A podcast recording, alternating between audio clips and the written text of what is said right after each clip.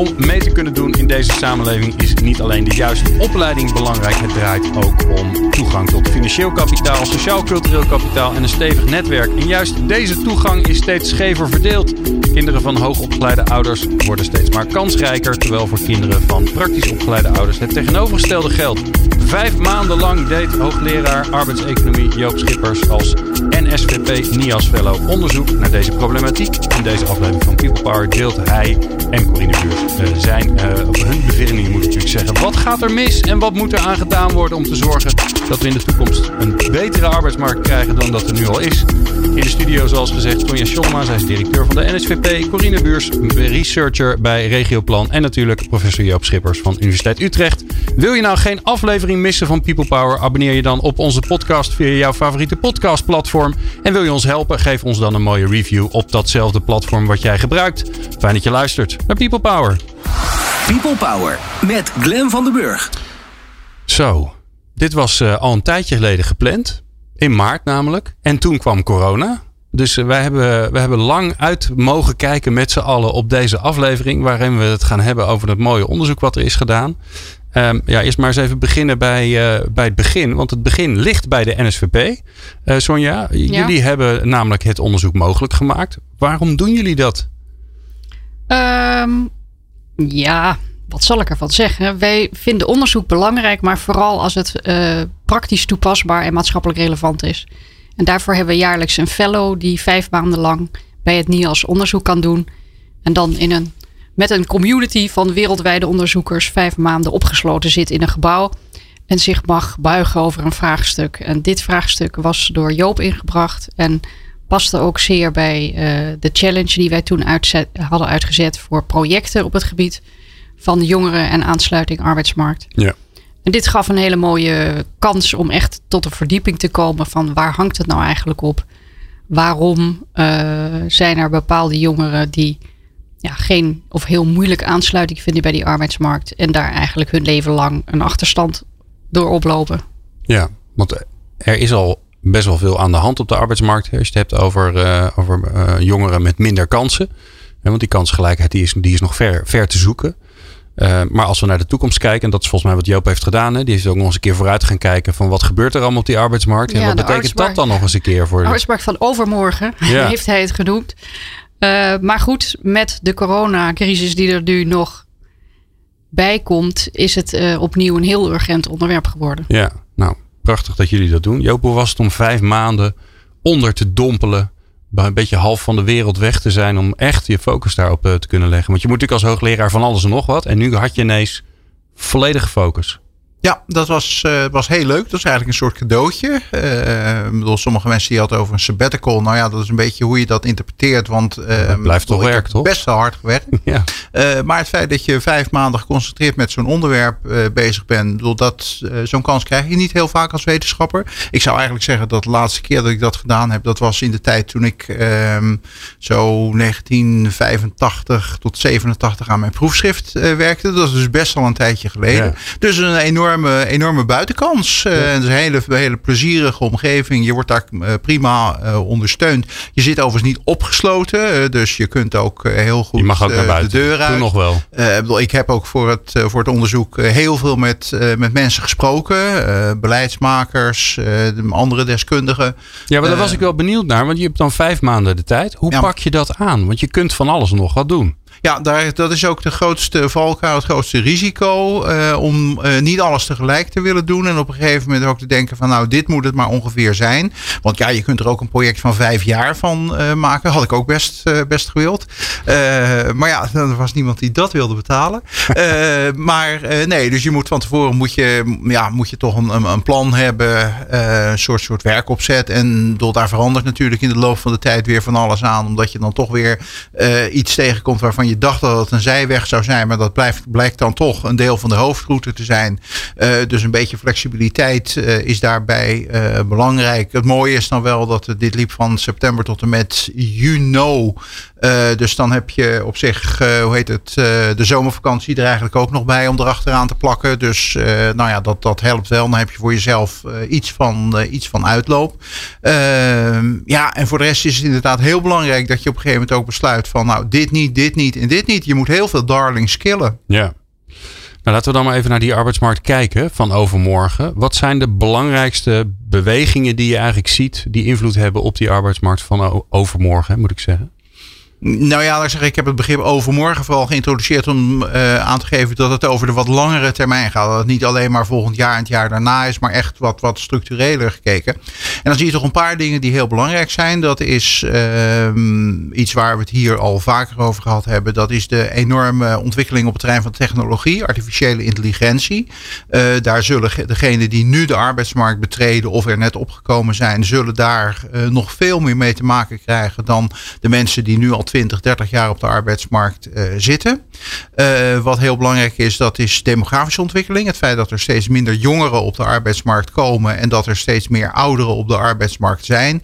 Inclusief de gevolgen die dat heeft voor uh, de taakverdeling tussen mannen en vrouwen. de zorgtaken. Denk bijvoorbeeld aan al die mensen die steeds ouder worden in termen van ouders en grootouders. en op een of andere manier mantelzorg behoeven. En dat ja. neemt nog weer toe. Uh, doordat de overheid steeds vaker zegt van uh, burgers, gij zult dit zelf uh, tot op grotere hoogte doen.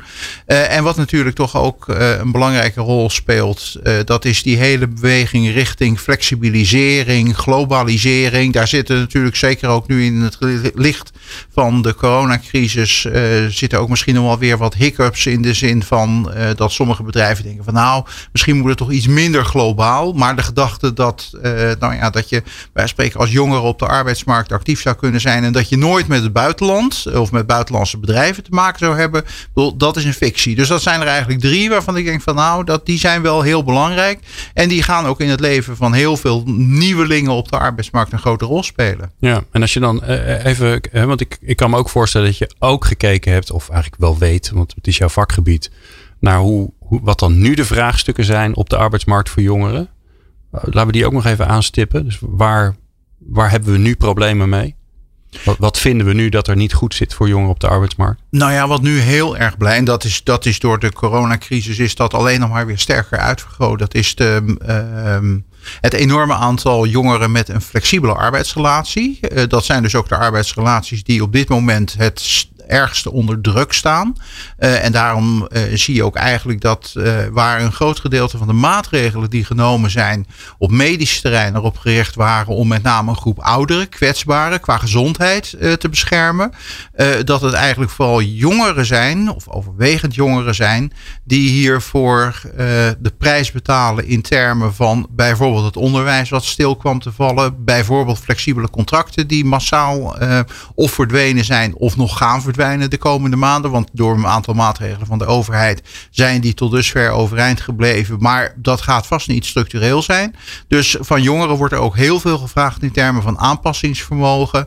Uh, sommigen die hebben dus inderdaad niet de kans gekregen om uh, bijvoorbeeld een echt diploma uh, te halen. Nou, de vraag is hoe lang dat in de toekomst gaat nawerken. Ja. Dus die flexibilisering, dat is, dat, dat is iets wat, wat al een probleem was. Er waren vorig jaar en het jaar daarvoor ook al rapporten verschenen die lieten zien dat dat inderdaad een probleem was. En dat er gezegd werd van nou, Nederland heeft toch wel heel veel flexibele contracten ten opzichte van een aantal buitenlanden die verder in een heleboel opzichten met ons te vergelijken zijn. Dus daar moet nodig wat aan gebeuren. Ook uh, wij spreken rapporten van de WRR en van de commissie Borslap, waar we het hier wel eens eerder over gehad hebben, ja. uh, hebben dat signaal afgegeven. Dus dat was sowieso al een probleem. En het probleem uh, wat zich steeds duidelijker manifesteert, dat is het probleem. Daar heeft bijvoorbeeld ook de SER vorig jaar aandacht voor gevraagd. tussen um, jongeren die komen uit gezinnen waar de ouders er enorm bovenop zitten, wat, hoe je onderwijscarrière eruit ziet. En ouders die daar eigenlijk nou ja, heel weinig mee bezig zijn. Of omdat ze zelf vooral bezig zijn het hoofd boven water te houden. Of omdat ze bijvoorbeeld geen enkele kennis van het Nederlandse onderwijssysteem hebben. Ja, ja want het begint natuurlijk eigenlijk al. Hè, we hebben het nu over, steeds over de arbeidsmarkt. Maar het begint natuurlijk eigenlijk al veel eerder tijdens de opleiding. Uh, Corinne, daar doe jij natuurlijk onderzoek naar. Uh, jij bent gespecialiseerd in, uh, in het MBO. Dat is echt goed, hè? Ja, ja, ja zeker. dat ik geen, uh, geen onwaarheden verkondig. Dat zou ik nooit willen doen. Daar ligt natuurlijk ook een uitdaging. He, want nou, dat nu natuurlijk met Black Lives Matter komt dat natuurlijk nu ineens omhoog. Weer omhoog. Niet dat het er niet was, maar dat, ja, dat wij in Nederland op de arbeidsmarkt. Maar zeker ook als je bijvoorbeeld hebt over stages. Dat we daar echt een probleem hebben. Omdat veel uh, jongeren met een andere achtergrond dan, uh, dan hier uit de klei. Dat die gewoon moeilijk aan een stage kunnen komen. Wat, wat zie jij zeg maar in die overgang van leren naar werken nou als vraagstukken die we nu al hebben? Nou, wat ik denk dat je heel erg ziet is dat wat de arbeidsmarkt van overmorgen, om dan maar even zo uh, te noemen, in petto heeft voor jongeren, is dat het enerzijds heel veel onzekerheid uh, met zich meebrengt en onvoorspelbaarheid. Eigenlijk het punt wat Joop ook al aandroeg. En dat je anderzijds ziet dat er gewoon ook de keuzes die er te maken zijn, gewoon heel erg veel zijn. Dus dat er gewoon heel veel keuzemogelijkheden zijn. Maar dat die combinatie, de onzekerheid in combinatie met die keuzemogelijkheden, dat dat ook wel een heel groot beroep doet op de bereidheid en het vermogen van jongeren om op zo'n uh, flexibele arbeidsmarkt te kunnen opereren gewoon heel erg groot uh, wordt. Waarbij je kunt zeggen van ja, dat dat niet voor iedereen even vanzelfsprekend is om dat zomaar te kunnen. Ja, en dat probleem is er nu dus al. En dat probleem is er nu al. Dat zie je enerzijds in het onderwijs. En je ziet dat natuurlijk ook tijdens de, de transitie, de overgang van het onderwijs naar de arbeidsmarkt. En manifesteert zich vervolgens ook op het onderwijs zelf. Dus het is eigenlijk op. En begint het eigenlijk al in het onderwijs, waarin je ziet dat daar nou ja, grote vraagstukken uh, liggen. En de coronacrisis heeft het zeker voor het MBO ook niet gemakkelijker gemaakt. Omdat het moeilijker werd om een stage te lopen. Hè, omdat er eh, geen veilige werkomgeving kon worden gecreëerd. Of omdat stage überhaupt niet doorgingen. Ja, want je kunt, uh, je kunt nog prima op afstand een college volgen als je op de HBO of de universiteit zit. Maar als je, nou, al, al, is het al stage in de zorg loopt, dan heb je best wel een probleem. En het, eh, als de hele boel in lockdown zit. Ja, als je kijkt naar het MBO, dan is natuurlijk het kenmerkend van het MBO is het, uh, de lessen op locatie. Het is les op locatie, het praktijkles. Het is de stage, maar het is ook de examinering op locatie. En je ziet eigenlijk dat dat voor die studenten, dat dat de drijfveer is om ook uh, een opleiding te doen. Dus als je het hebt over in termen van wat voor corona voor dit soort eh, jongeren betekent, is dat je enerzijds mogelijke gevolgen gaat zien voor studieuitval. Omdat ja, juist de praktijkcomponent motiveert deze jongeren. We kunnen mogelijk ook eh, problemen gaan zien met de aansluiting met het, uh, met het HBO. Van het MBO naar het HBO. En vervolgens ook op de arbeidsmarkt. Ja, nou we gaan zo uh, even een doorkijkje doen naar uh, de arbeidsmarkt van, uh, van overmorgen. Hoe gaat die er dan uitzien en wat kunnen we er met z'n allen aan doen om te zorgen dat hij juist meer kansengelijkheid heeft in plaats van minder? Dat hoor je straks.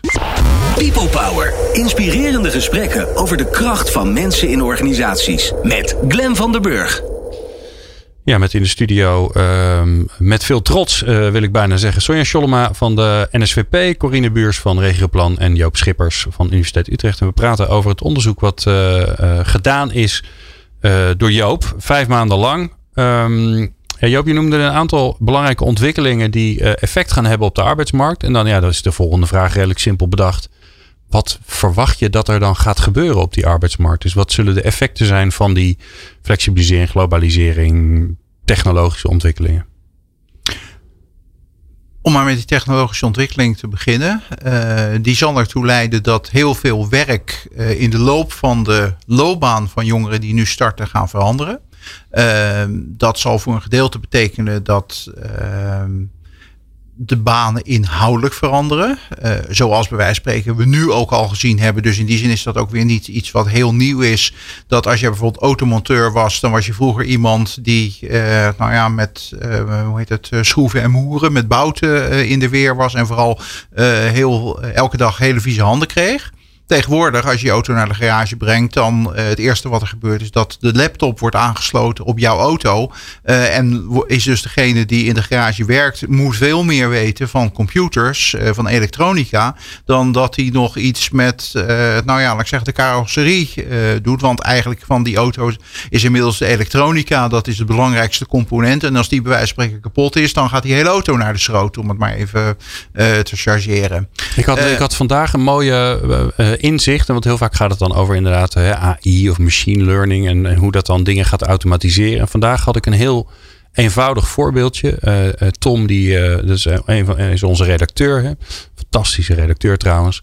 Um, die, we hadden een soort overlegje over hoe gaan we het allemaal organiseren. En toen zei ik tegen ik zei, nou, en, en, wat Tom heel slim doet, die stuurt iedereen een week van tevoren even een reminder van goh, volgende week te gast. Hè? Want soms, nou ja, heel soms vergeten mensen het nog wel eens. Best lastig als je live radio maakt.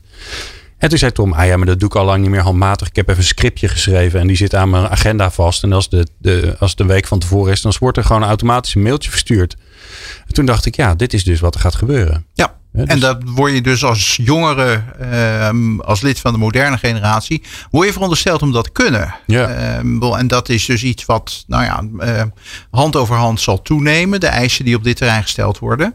Eh, dat, legt, eh, dat legt zeker druk, druk op jongeren. Anderen zullen ervaren dat ehm, hun baan gewoon verdwijnt. Uh, bedoel dat een bepaalde ver- technologie. Verwacht je dat dat gaat gebeuren? Want je hoort heel, heel vaak dat er heel veel gaat verdwijnen. Je hoort andere mensen zeggen, nou, verdwijnen valt wel mee. Er gaat vooral heel veel veranderen.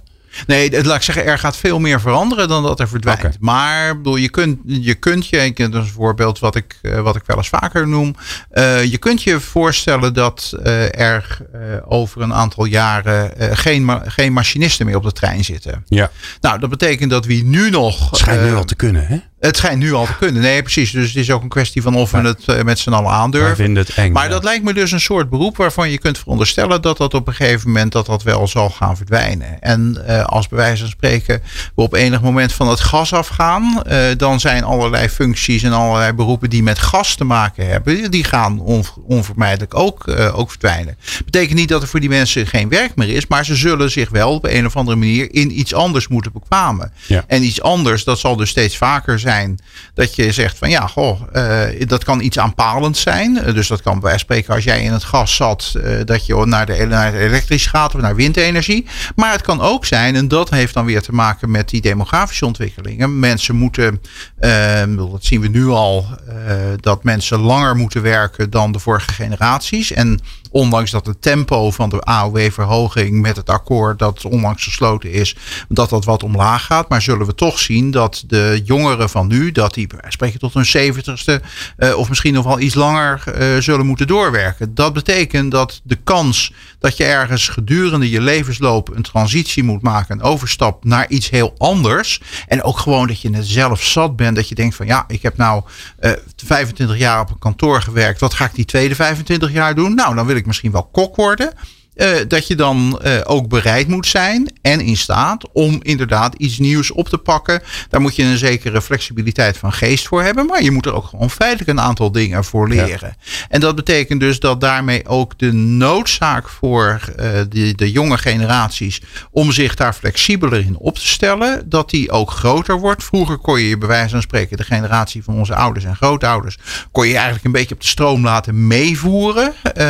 Maar er wordt nu veel meer van je verwacht door de samenleving, maar ook gewoon door de feitelijke marktomstandigheden, dat je meer regie neemt eh, over, je, over je eigen loopbaan. Maar dat is, best, dat is best ingewikkeld en dat is ook niet iedereen gegeven. Nee. nee, daar gaan we het zeker zo nog over hebben. Dus ik heb nu hè, technologie hebben gehad. Flexibilisering was een grote, eh, grote trend die je hebt gezien. Wat, wat betekent dat voor de, voor de arbeidsmarkt van morgen? Nou ja, dat heeft dus ook te maken met, eh, met dat laatste punt van die, van die loopbaan. Eh, velen van ons of van onze voorgangers die eh, werkten bij spreken 30, 40 jaar bij dezelfde werkgever. En die werkgever organiseerde dan bijvoorbeeld ook eh, aanvullende scholing. had een bepaald patroon in zijn of haar hoofd hoe jouw carrière zich zou ontwikkelen. Op het moment dat jij van flexbaan naar flexbaan gaat, dan is het niet de werkgever die zorgt voor de in jouw menselijk kapitaal, jouw kennis en vaardigheden. Maar ben je daar in belangrijke mate ook zelf, moet je daar de regisseur eh, van zijn. En Maar verwacht jij dat dat meer en meer en meer gaat worden? Want je hoort natuurlijk de afgelopen jaren ook dat er toch behoorlijk wat nadelen aan kleven. Dat er ook wat excessen ontstaan. We hebben dat in de postbezorging gezien. Wat nu een beetje zich aan het herstellen is tot weer een, hè, tot weer een normale baan. Waarin we mensen weer normaal betalen. En ook een beetje normale eh, arbeidsomstandigheden geven. We hebben dat natuurlijk met de, eh, de bezorgers zien van de, tui, van de maaltijden. Waar toch eh, nou, aardig wat organisaties op de randjes van de wet gaan, gaan lopen. Of zelfs misbruik maken van de wet. Payrolling is natuurlijk ernstig teruggeschroefd met de nieuwe wetgeving. Dus ik kan me ook voorstellen dat jij zegt van nou, als ik kijk naar de trend wat de overheid aan het doen is, dan verwacht ik eigenlijk dat deze kant op gaat. Ja, maar laat ik zeggen, we hebben deze ontwikkeling zo 1982 met akkoord van Wassenaar hebben we die ingezet. dus dat is nu een kleine 40 jaar aan de gang voordat we hiervan af zijn, van de verslaving aan flexwerk. dat gaat nog wel even duren. En we hebben recent nog een onderzoek gedaan onder 26 ehm, grote werkgevers. Um, en ja, daar zie je toch dat met name voor jonge mensen een flexcontract de default waarde is. Dat is hetgene wat ze eigenlijk automatisch doen. En alleen bij uitzondering willen ze nadenken over iets anders. Maar dan moet er wel de, de omstandigheden heel bijzonder zijn. En door de, uh, de demografie, de, de dreigende krapte die we eigenlijk al een paar keer verwachten onder invloed van de demografische ontwikkeling. Ik bedoel, dat dachten we aan het eind van het eerste decennium, dat dachten we aan het eind van het tweede decennium. En beide keren kwam er even iets tussendoor ja, uh, in termen van een crisis, ja. uh, waardoor dat dus nu even uh, voor ons uitgeschoven is. dus ja, laat ik zeggen, dat, dat gaat dan ook iets minder hard. Je ziet overigens dat 2019 was het eerste jaar waarin het aantal jongeren, of überhaupt het aantal mensen dat in Nederland een vast contract kregen weer iets gestegen was ten opzichte van het jaar daarvoor. Daarvoor hadden we 20 jaar gehad waarin dat alleen maar achteruit kachelde. Ja. Dus, kun, je al iets zien, zeggen over de nieuwe wetgeving? Want er is natuurlijk per 1 januari is de nieuwe wet ingegaan. Uh, die eigenlijk moet stimuleren dat het vaste contract weer aantrekkelijker wordt. Uh, al is het maar omdat, uh, omdat je daardoor minder WW-premie betaalt. Volgens mij moet je het ook aan Corine ja, vragen. Corine? Want die zit, die oh, Corine zit, zit gelijk. Die zit nee, niet, geen effect? Nee, ik weet het niet. Oh, je weet het niet? Oh, wat zo. Nee, nou, nee, nou ja, de, de, ik heb een vraag gesteld waar niemand het antwoord op heeft. Jawel, jawel, jawel. Dat is, Oh, uh, nee, maar ik dacht dat Corinne een sappig, uh, sappig voorbeeld had. Uh, maar nee, dat zie, dat zie je dus voorlopig zie je dat, zie je dat nog niet werken. Dat is overigens ook wat een heleboel mensen die verondersteld mogen worden om er een beetje verstand van hebben, ook voor hebben gewaarschuwd. Dat, ja, laat ik zeggen, dit soort dingen, dat wordt in eerste instantie, zolang dus de voorkeuren van werkgevers en de, nou ja, het ingesleten gedrag hmm. zodanig bepaalde richtingen uitwijst, dan worden er wel weer dingetjes omheen uh, bedacht om hier toch uh, nou ja, weer onderuit te kunnen. Ja. Je ziet dat ook bij de stages bij het MBO. He, dan zou je denken, mensen die bij een stagebedrijf mogen blijven, dat die dan een vast contract krijgen. Ja, nou, je ziet ook heel vaak al. dat ze toch een tijdelijk contract krijgen. Of uh, ja. ook. Dus de, de, de, is dat dan nog steeds de psychologische angst van een vast contract is vast, ik kom nooit meer van iemand af. Ik moet allerlei dossiers opbouwen, ik moet, moet heel veel geld betalen om afscheid te nemen. Die angst die zit er nog steeds in. Ja, ook al is die voor in belangrijke mate onterecht. Ja, ja dus nogmaals, die is voor belangrijke mate onterecht. Werkgever. Zeker. En er zijn heel veel voordelen namelijk aan het vaste contract. Ja. Mensen worden namelijk een stuk rustiger van. Wat overigens voor grote delen ook weer onterecht is, maar dat maakt verder niet uit. He, want ook daarvoor geldt natuurlijk, ja, ik bedoel, vast is ook maar zo vast als vast Nee, kan zijn. maar goed, daar zie je toch dat, uh, ook in het, uh, hoe heet het, uh, het onderwijs, de wetenschap, zie je dat heel vaak mensen dan een contract krijgen voor bijvoorbeeld twee jaar als postdoc. Uh, van dat tweede jaar zijn ze zeker de helft van de tijd zitten mensen op internet uh, te kijken. Uh, op zoek naar een nieuwe baan. Zoek naar een nieuwe baan. Dus Ja. dan gaat bij wijze van spreken een kwart van de werktijd. Ik overdrijf nu misschien een beetje. Maar gaat verloren aan het zoeken. Als mensen een langer tijdelijk contract of een vast contract zouden hebben. Zouden ze die tijd gewoon werken. Ja, ja en dan dan nog los van uh, de inspiratie, de creativiteit. Omdat je inderdaad in je hoofd gewoon voor een gedeelte bezig bent met wat straks, Precies. wat straks. Hè? Want Ja. Dat, dat uh, hebben we natuurlijk ook nog eens een keer. Um, we praten straks natuurlijk verder met uh, de mensen hier in de studio. We gaan zo eerst even naar de column van Jeroen Buescher. Die hoor je zo. People Power op Nieuw Business Radio. Hallo, mijn naam is Jeroen Buescher en ik heb een column bij People Power. Mijn columns gaan over gedrag en hoe je dat zou kunnen veranderen. Wil je alle columns van People Power luisteren? Ga dan naar peoplepower.radio en klik op onze columnisten. En zoek mijn naam, Jeroen Buescher, of zoek in jouw favoriete podcast-app naar People Power Columns. Was getekend, uw Jeroen Buescher. Meepraten of meer programma's? people-power.nl Mijn grote vriend, mijn uh, soms voorbeeld uh, op terreinen waarbij ik denk, daar kan ik fantastisch veel van hem leren. De rapste boekenschrijver, misschien wel in Nederland. En ook nog eens een keer uh, de man die organisaties helpt bij de gedragsverandering op strategisch gebied. Daar is hij, Jeroen Buescher, met de laatste column voor de zomer. Jeroen, aangekondigd door de minst ronkende radiopresentator van dit, dit audioland. je moet bij de Olympisch, je moet bij de, bij, uh, bij de, de, World Wrestling Federation gaan werken. Ja, ja daar keek ik vroeger altijd naar. Uh, ja. And in the left corner. ja. Ik keek daar vroeger altijd naar met Hulk Hogan en, uh, en Rowdy, Roddy Piper. En dat, oh man, ja, dat is, het ging nergens ook, maar ik vond dat heel leuk. Maar daar gaan we het niet over hebben. Oké, okay. mijn laatste column, ja. Ja. Dan zal ik maar los. Ga maar los. Ja. Alles hangt samen. In de natuur hangt alles samen. Het een is met het ander verbonden, met het ander verbonden. En alles sterft en overal wordt weer opnieuw geboren. En uh, zo zit het natuurlijk ook bij de mensen. Uh, we sterven ook en er worden overal weer mensen geboren. En dat is een fysiek proces. Maar natuurlijk is sterven en weer geboren worden is ook een mentaal proces. Een mentaal proces waar we in ons leven allemaal mee te maken hebben. Mijn dochter, 11 jaar, groep 8, alsnog de eindmusical gehad.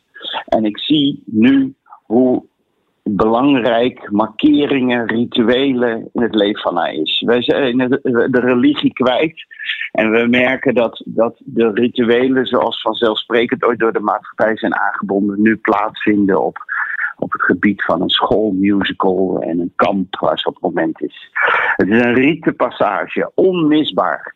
En voor haar een enorme opluchting dat die door konden gaan. Een rietenpassage die eigenlijk markeert dat het kind mentaal gezien aan het sterven is. En ik zie het ook, er groeit een nieuw mens uit haar, een volwassen mens. Ze sterft en ze wordt wedergeboren, mentaal. Wij leven met z'n allen in een tijd dat de context heel erg veranderd is. We zitten misschien in een tussenperiode waarin de tijd en tijd, de context en tijd verandert. Maar zoals de seizoenen is ineens de omgeving waarin we functioneren heel anders geworden. Dingen die we een paar maanden geleden normaal vonden, dat kan ineens niet meer. Uh, organisaties zoals ze zichzelf organiseerden, blijken nu ineens op een heel andere manier ook te kunnen functioneren. Het seizoen is veranderd. En misschien, misschien is mentaal gezien de oude maatschappij wel gestorven of aan het sterven. En moeten we ons voorbereiden op een nieuwe geboorte van weer een andere maatschappij, een andere organisatie en ook voor u misschien wel een andere rol als werkend mens. Als werkend mens is misschien wel uw oude rol gedeeltelijk aan het sterven, omdat de verhoudingen anders zijn, omdat de organisatie anders begint te functioneren, omdat we anders naar onszelf kijken. Misschien heeft u deze periode ook typisch gebruikt om u eens af te vragen van, goh, waarvoor doe ik het eigenlijk allemaal? Wat is eigenlijk het wezenlijke van waarom ik werk? Allemaal horend bij een stervensproces. En dit is dan ook het moment om na te denken: hoe wil ik eigenlijk opnieuw geboren worden? Dat moeten we in onze organisaties, moeten we ons na de coronacrisis weer gaan organiseren zoals we dat ooit deden? Moeten we zo vaak naar kantoor? Worden we een hybride organisatie die gedeeltelijk online plaatsvindt? En wat betekent dat dan voor de sociale structuren, voor creativiteit? En dat moeten we ons ook individu af, eh, als individu afvragen. Hoe wil ik eigenlijk werken? Wil ik eigenlijk werken op deze manier, in deze baan, in dit soort organisaties? Hoe verandert de organisatie en past dat bij mij? Een tijd van wedergeboorte breekt aan. En leer van mijn dochter, cruciaal daarin is die markering, is dat ritueel. Het ritueel wat samenvat wat er gaande is. Het ritueel waarin het verleden sterft en er een nieuw mens geboren wordt. Een nieuwe maatschappij, een nieuwe organisatie. Richt u op dat ritueel. Verzin dat ritueel. Wat markeert voor u het moment dat het verleden sterft en de toekomst geboren wordt? En we kunnen weer naar een nieuwe medewerker, naar een nieuwe afdeling, naar een nieuwe organisatie en zelfs weer een beetje naar een nieuwe wereld. En laten we hopen, hopen en misschien zelfs bidden dat die nog mooier wordt. Mooi Jeroen, mooi. Ja, en fantastisch passend bij de aanstaande zomerbreak. Want dan hebben we Zeker. tijd nou, om na te denken. Voor sommige mensen de break naar het rennen. En voor andere werkers zoals ik de break naar de break. maar uh, in ieder geval uh, weer een moment uh, voor de vakantie om eens na te denken waar verdekt het ook weer allemaal. Dus vandaar deze esoterische insteek. Mooi Jeroen. Dankjewel. Eén ding weet ik uh, bijna zeker, uh, en daar hoef ik ook niet over na te denken, is dat jij na de vakantie gewoon terug bent als uh, vaak mijn collega achter de microfoon en zo nu en dan ook nog eens een keer als onze columnist. Dankjewel Jeroen. En fijne vakantie. En, en zeker ook weer als een ander mens. Jij ook. Hele fijne zomer. You. Hoi hoi. People Power op Nieuw Business Radio. Dit is Menno Lanting, spreker en schrijver. En ik kan me voorstellen dat je wellicht eens op zoek bent naar nieuwe inspiratie, nieuwe inzichten. En daar niet altijd wellicht de tijd voor neemt. Ik zou je zeggen, doe dat toch. En kijk dan vooral eens naar People Power. Mooie verhalen, mooie inzichten. Ik raad het van harte aan. Meepraten of meer programma's? people-power.nl Sonja Schollema, uh, Corine Beurs en Joop Schippers in de studio. Ja, we zijn aanbeland bij uh, wat moet er gebeuren. Want uh, volgens mij wat we allemaal niet willen uh, is de tweedeling in de arbeidsmarkt die er nu is, dat die nog ernstiger wordt. Hè, tussen jongeren en, en wat ouderen. Maar niet ouderen zeggen, want dan voel ik mezelf zo oud. en anderzijds zeker ook natuurlijk de tweedeling tussen jongeren. dat, dat daar waar je wieg heeft gestaan zo'n invloed heeft op uh, waar je uiteindelijk terecht gaat komen. Dat is nog steeds wel zo, maar we hopen natuurlijk dat we daar wat aan kunnen doen. Dus, uh, Sonja, jij, uh, ja, jij hebt natuurlijk ook naar het onderzoek van, uh, van Joop gekeken. Ehm, wat heb jij eruit gepikt waarvan jij zegt van nou, weet je, daar, daar vind ik dat er echt wat aan moet gaan gebeuren en dan stel ik voor dat we dit gaan doen. Nou, ik vond heel opvallend eigenlijk dat hij heel duidelijk maakt dat dat prestatiedruk iets wat is waar veel jongeren last van hebben. En dat dat eigenlijk een soort systeemkwestie is.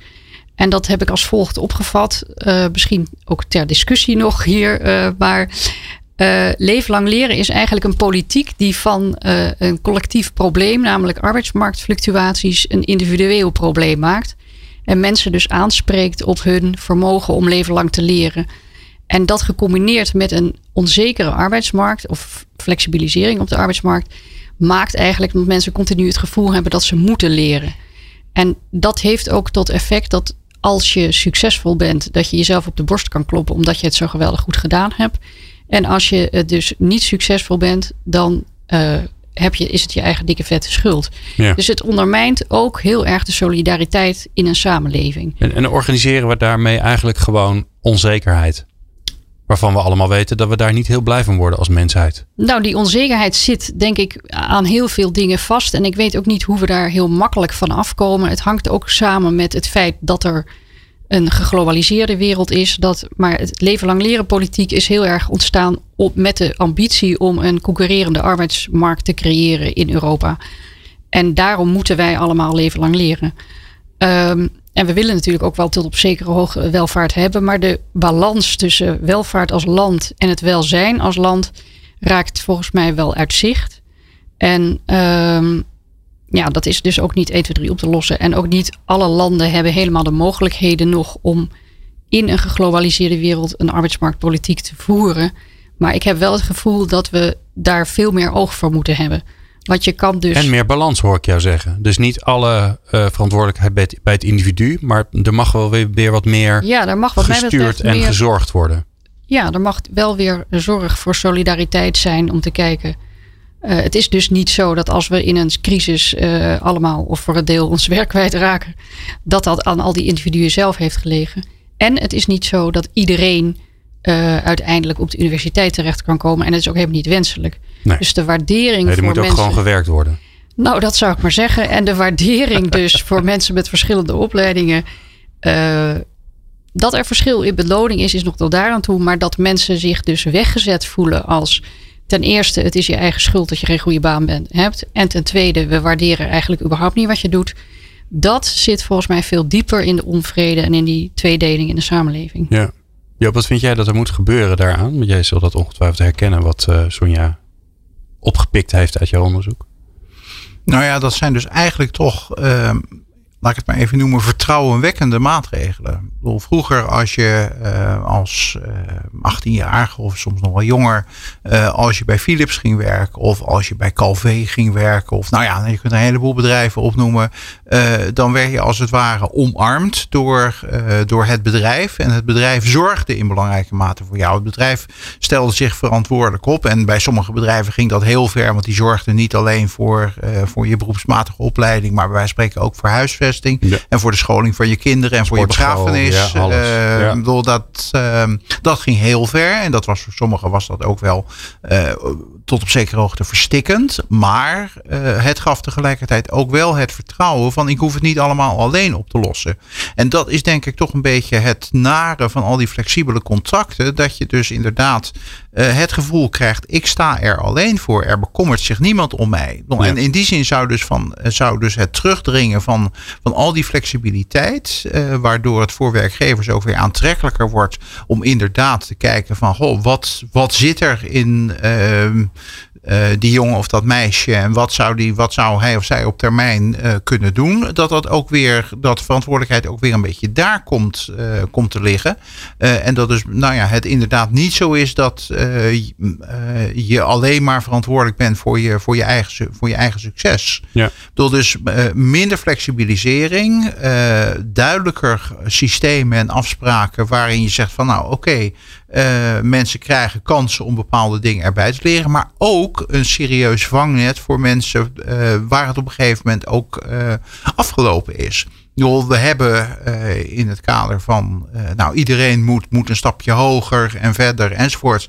Um, gaan we er ook erg makkelijk uh, van uit dat iedereen wel wat kan leren. Maar wat Sonja net zegt van, bedoel, niet iedereen hoeft naar de universiteit. zeker niet. dat mag wel wat minder. Andere discussie. maar bedoel, er zijn mensen voor wie zelfs een mbo-diploma al, al hoog gegrepen is. Ja. En wat we bij wijze van spreken de afgelopen jaren hebben gedaan, bijvoorbeeld met de afbraak van de WSW, om maar eens wat te noemen, uh, betekent dat dat ook mensen met, be met beperkte capaciteit op de arbeidsmarkt ja, dat er geen vanzelfsprekende plek meer voor die mensen is. En ook dat geeft dus heel veel onzekerheid. Die mensen die zijn nog gauwer dat ze, uh, nou ja, in, in, laat ik zeggen, in paniek raken als er iets misgaat. Dus die moet je in de, nou, ik noemde net het begrip vertrouwenwekkende maatregelen, maar die hebben dat dus misschien nog wel veel meer nodig. Ja. En dat betekent uh, dat je dus iets moet doen. Uh, en hoe heet het, in mijn rapport heb ik het gehad over basisbanen. Daar zijn, lopen op het ogenblik een aantal experimenten mee. Ik begreep dat ze daar recent ook in Groningen mee, uh, mee gestart zijn.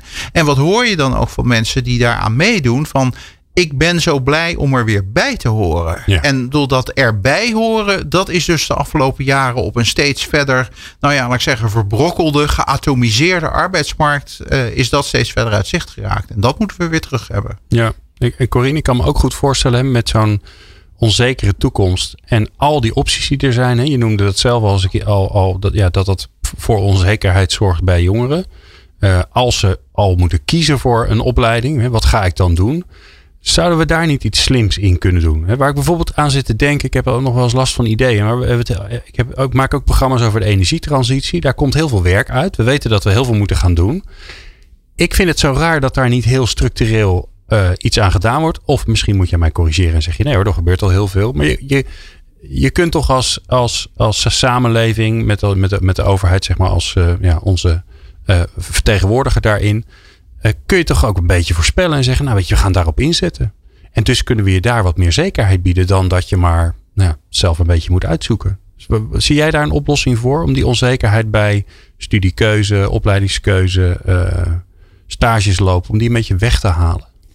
Nou, je ziet dat het in sommige sectoren een stuk makkelijker is dan in andere sectoren. Eh, wat ik bijvoorbeeld in mijn proefschrift heel duidelijk laat zien, is dat het eh, voor uh, techniek nou, veel makkelijker is om vaste contracten af te geven of om meer zekerheid te bieden. Simpelweg omdat we heel goed weten dat daar een groot tekort op ontstaat en eigenlijk nu ook al is. Um, maar ja, dat is toch een heel, een heel stuk anders als je business administration hebt gedaan op een, op een MBO-niveau. Ja. En een beetje in het verlengde van wat Joop zei over. Maar helpen dat, we jongeren daar dan bij? Want we weten toch eigenlijk al dat je business, als je business administration gaat doen, gaat doen dat de kansen gewoon veel lager zijn op, op een baan? Um, of we daar jongeren voldoende bij helpen. Ja, ik denk dat als je kijkt naar de functie die het MBO heeft, dat die heel duidelijk enerzijds gericht is op het aanleren van vakvaardigheden. En ook als je business and administration doet, heb je bepaalde vakvaardigheden om dat uh, te kunnen doen. En heel duidelijk heeft het MBO ook een socialiserende en burgerschapsfunctie. Ja. Waardoor je veel meer die, die brede toerusting krijgt om op een gegeven moment wat anders te gaan doen uh, als het niet lukt. Of om die doorstroom naar het HBO te gaan. Maar wat je heel duidelijk ziet is dat voor, ook voor heel vaak wordt gezegd dat het, het onderwijs of leven lang leren een heel positief verhaal is. Terwijl voor een groot deel van de jongeren leren niet altijd leuk is. Of ze hebben geen positieve leerervaringen gehad. Dus dat het niet automatisch is of iets wat op het netvlies ligt, dat leren leuk is. Of hoe je dat, uh, dat zit. En daar zit die praktijkcomponent zo belangrijk. En stages en uh, goede arbeidsmarktinformatie. Zodat jongeren ook daadwerkelijk een afgewogen keuze kunnen maken. En begeleiding daarbij en ondersteuning. En niet alleen pas op het moment dat ze op die arbeidsmarkt zijn, maar ook al gedurende opleiding op verschillende momenten. Maar wij, wij, wij verwachten dus van jongeren dat ze um, uh, in een onzekere situatie, met een onzekere toekomst, uh, met nog weinig kennis over zichzelf relatief. Hè, als ik zie welke keuzes jongeren moeten maken, denk ik, nou, ik zou dat nu, nu op mijn 48ste al lastig vinden. En, die, en, er wordt, en wij verwachten dan van ze dat ze een goede keuze maken. Ja, dat wordt eigenlijk verwacht. Ja. Dat kan toch helemaal niet? Nou ja, daarvoor zijn er heel veel initiatieven. Ook wat je ziet bij het uh, bij LOB, wat eigenlijk soms nu al op de basisonderwijs of in het VMBO start, om jongeren al te helpen en voor te bereiden op het maken uh, van een goede studiekeuze. En vervolgens over eigenlijk alle keuzes die je tijdens een opleiding maakt. Want het gaat niet alleen over in één keer een goede studiekeuze maken. Het zit eigenlijk al eerder. Het maken van een profielkeuze, het, maken, het kiezen van een uh, opleiding bij schooladvies. Ja, en geldt ook daar niet voor, maar ik ben benieuwd of daar uh, iets van wetenschappelijk bewijs voor is dat uh, we daar misschien ook weer te veel druk op leggen. Ik merk dat bij mijn eigen kinderen dat ik tegen ze zeg: Ja, weet je, ik ben ook voor een groot gedeelte helemaal niet meer aan het doen wat ik ooit geleerd of gestudeerd heb. Hoe je, je, je meandert ook door het leven heen. En de keuzes die je maakt hebben zeker invloed. Maar het is niet zo dat als je voor A kiest, dat je nooit meer Z kan doen. Nee, ik dat... zal geen handchirurg meer worden. Nou ja, precies. Uh, en uh, in die zin uh, is de Nederlandse arbeidsmarkt zit wel wat problematisch in elkaar. In die zin dat we hier wel heel erg de zaak in, in hokjes opdelen. Dat als je niet in een, voor, voor het, nou ja, ik zal maar zeggen, de goede kolom gekozen hebt, dat je dan ook een heleboel routes af, afsnijdt. En nou ja, laat ik zeggen, misschien is het voorbeeld van chirurg is, wat, is wat erg extreem. Maar er zijn ook een heleboel dingen waar we in Nederland diploma's voor vragen. Waarvan je zegt van ja, goh, maar is dat nou echt nodig? Of is het feit dat iemand een beetje uh, um, laat ik zeggen, uh, goeie, twee goede rechterhanden heeft um, en een beetje inzicht in hoe je dingen in elkaar knutselt, uh, zou, dat, zou dat ook niet voldoende zijn. En aan de ene kant begrijp ik al die, uh, al die regels. Ik bedoel, je wilt als je in de zorg door iemand een injectie krijgt toegediend, wil je dat dat iemand is die goed de ader kan vinden. Want als dat niet gebeurt, dat kan behoorlijk pijnlijk zijn. Maar aan de andere kant, iemand die niet diploma C27B heeft, ja, misschien iemand die een ander vergelijkbaar diploma heeft, kan het misschien ook goed. En daar zijn we af, mogen we af en toe ook wel eens wat, wat liberaler in zijn. En aan de andere kant mogen we dus ook wel wat paternalistischer zijn. Om gewoon ook tegen jongeren te zeggen van goh, maar het zou wel heel slim zijn om dat of dat te doen. En doe dat nou alsjeblieft niet, want uh, daar zit geen, geen toekomst in. Maar dat hebben we allemaal wel heel erg losgelaten en heel erg vrijgemaakt. Alles en, bij het individu. Alles bij het individu neergelegd, ja. Ja, dus het mag, het mag weer wat meer terug. Um, uh, dank je wel. Jo Joop, dank voor het onderzoek. Uh, Sonja, wie is de volgende fellow? Of misschien is hij al bezig. Ja, de volgende fellow is Ton Wildhagen. Oh, leuk. En zijn onderzoek ja, uh, haakt hier heel mooi op aan. want hij kijkt inderdaad naar een arbeidsmarkt XL. om juist ook die structuur te bieden. Misschien gerelateerd aan die basisbaan. Nu wordt inderdaad het feit dat je op een bepaald moment geen werk hebt, wordt afgekocht met een uitkering. Uh, maar vervolgens doe je niet meer mee in deze samenleving. Als het je niet lukt om opnieuw een betaalde baan te vinden. Ja. En hij kijkt eigenlijk wat zit er tussen die topsport. Van mensen die keihard werken en uh, alles doen om dit, uh, deze marathon te voltooien. En mensen die thuis op de bank zitten. Waarom is een arbeidsmarkt XL die je oproept, oprekt en waar dus ook een meergebied ontstaat. Waarom hebben we daar eigenlijk geen beleid voor? Wanneer is hij klaar? Hij is na de zomer klaar. Dan uh, moeten hebben we wat in te plannen volgens mij. Ja. Um, ik dank jullie allen zeer uh, voor jullie komst uh, naar de studio in Hilversum. En voor het mooie gesprek. Sonja Schollema van de NSVP. Wil je daar meer over weten moet je nou overigens naar innovatief inwerk.nl. Ja, ik zit altijd te bedenken of het innovatief werk of inwerk. Maar het is dus innovatiefinwerk.nl. Uh, lees je ook alles over uh, de challenges die gedaan zijn en die nog gaan komen. Uh, Corine Buurs van Regioplan, leuk dat je er weer was. En Joop Schippers natuurlijk. Joop, Joop, leuk dat je er twee uur achter elkaar was. marathon voor jou. wij gaan nog een uurtje verder, want Harry Starre die komt ons ver verblijden. en we gaan hier een beetje een soort café van maken, want het is tijd voor weer voor Café Forum. En we zijn aangebeland bij de D in het alfabet, want we gaan het hebben over drijfveren. wil je meer luisteren, kan dat natuurlijk via peoplepower.radio. Fijn dat je luisterde. Meepraten of meer programma's? people-power.nl